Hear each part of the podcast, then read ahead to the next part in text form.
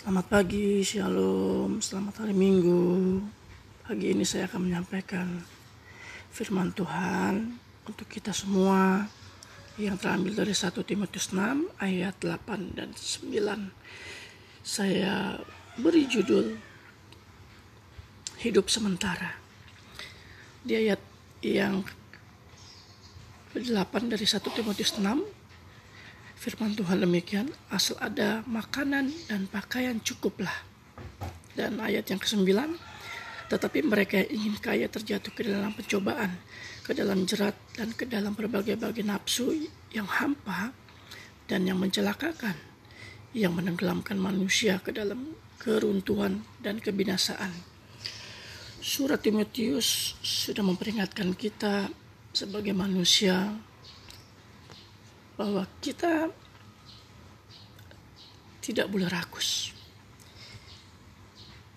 Kita harus bisa mengendalikan diri. Ya.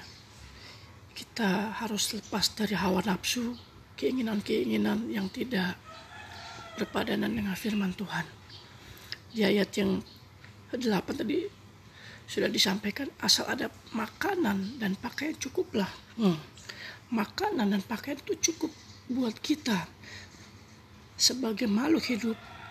Asal ada makanan setiap hari cukup. Asal ada pakaian yang menutupi aurat kita. Dan kita bisa berpakaian tidak mempermalukan diri. Itu sudah cukup buat buat kita ya. Buat apa?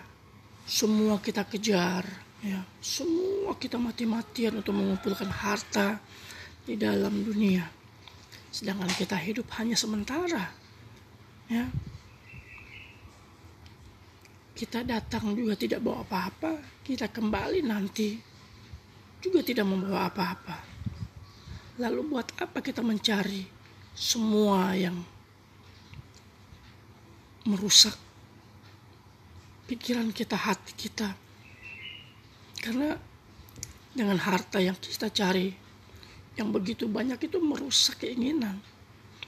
Keinginan kita bisa salah. Keinginan, kita itu bisa menyimpang. Untuk itu mari kita sadar diri kita mawas diri dan minta pertolongan Tuhan biar Roh Kudus yang mengingatkan kita selalu. Di ayat yang ke-9 yang yang terakhir tetapi mereka ingin kaya terjatuh ke dalam percobaan. Tuh di sini disampaikan orang yang orang yang ingin kaya itu jatuh. Mereka mati-mati mencari harta, kerja dari pagi, siang, sore, malam. Kejar semua. Di Mazmur 127 Bapak sudah menyampaikan Tuhan memberkati anak-anaknya ketika tidur. Bukan berarti kita berdehal enggak. Kita santai, enjoy aja menikmati hidup kerja baik-baik normal. Toh Tuhan juga memberkati. Buat apa? Yuk kita mati-mati yang mengumpulkan harta ya. Ke dalam jerat dan ke dalam berbagai-bagai nafsu yang hampa dan yang mencelakakan. Oh. di luar sana banyak orang mengejar harta jabatan kedudukan. Akhirnya mereka apa? Melakukan apa? Korupsi. Setelah korupsi mereka ketahuan ya mereka kena undang-undang mereka kena pasal. Akhirnya mereka masuk bui. Karena nafsu mereka mereka tidak redam. Nafsu mereka mereka bisa mereka tidak tekan ya. Dan tidak mereka matikan nafsu itu. Itu sangat membahayakan buat hidup kita Bapak Ibu ya. Yang menenggelamkan manusia ke dalam keruntuhan dan kebinasaan ah akhirnya apa? Kita tenggelam.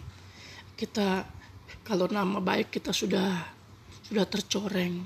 Nama baik kita sudah blacklist sudah hitam. Orang nggak akan percaya lagi. Dan kita akan bahas saja runtuh.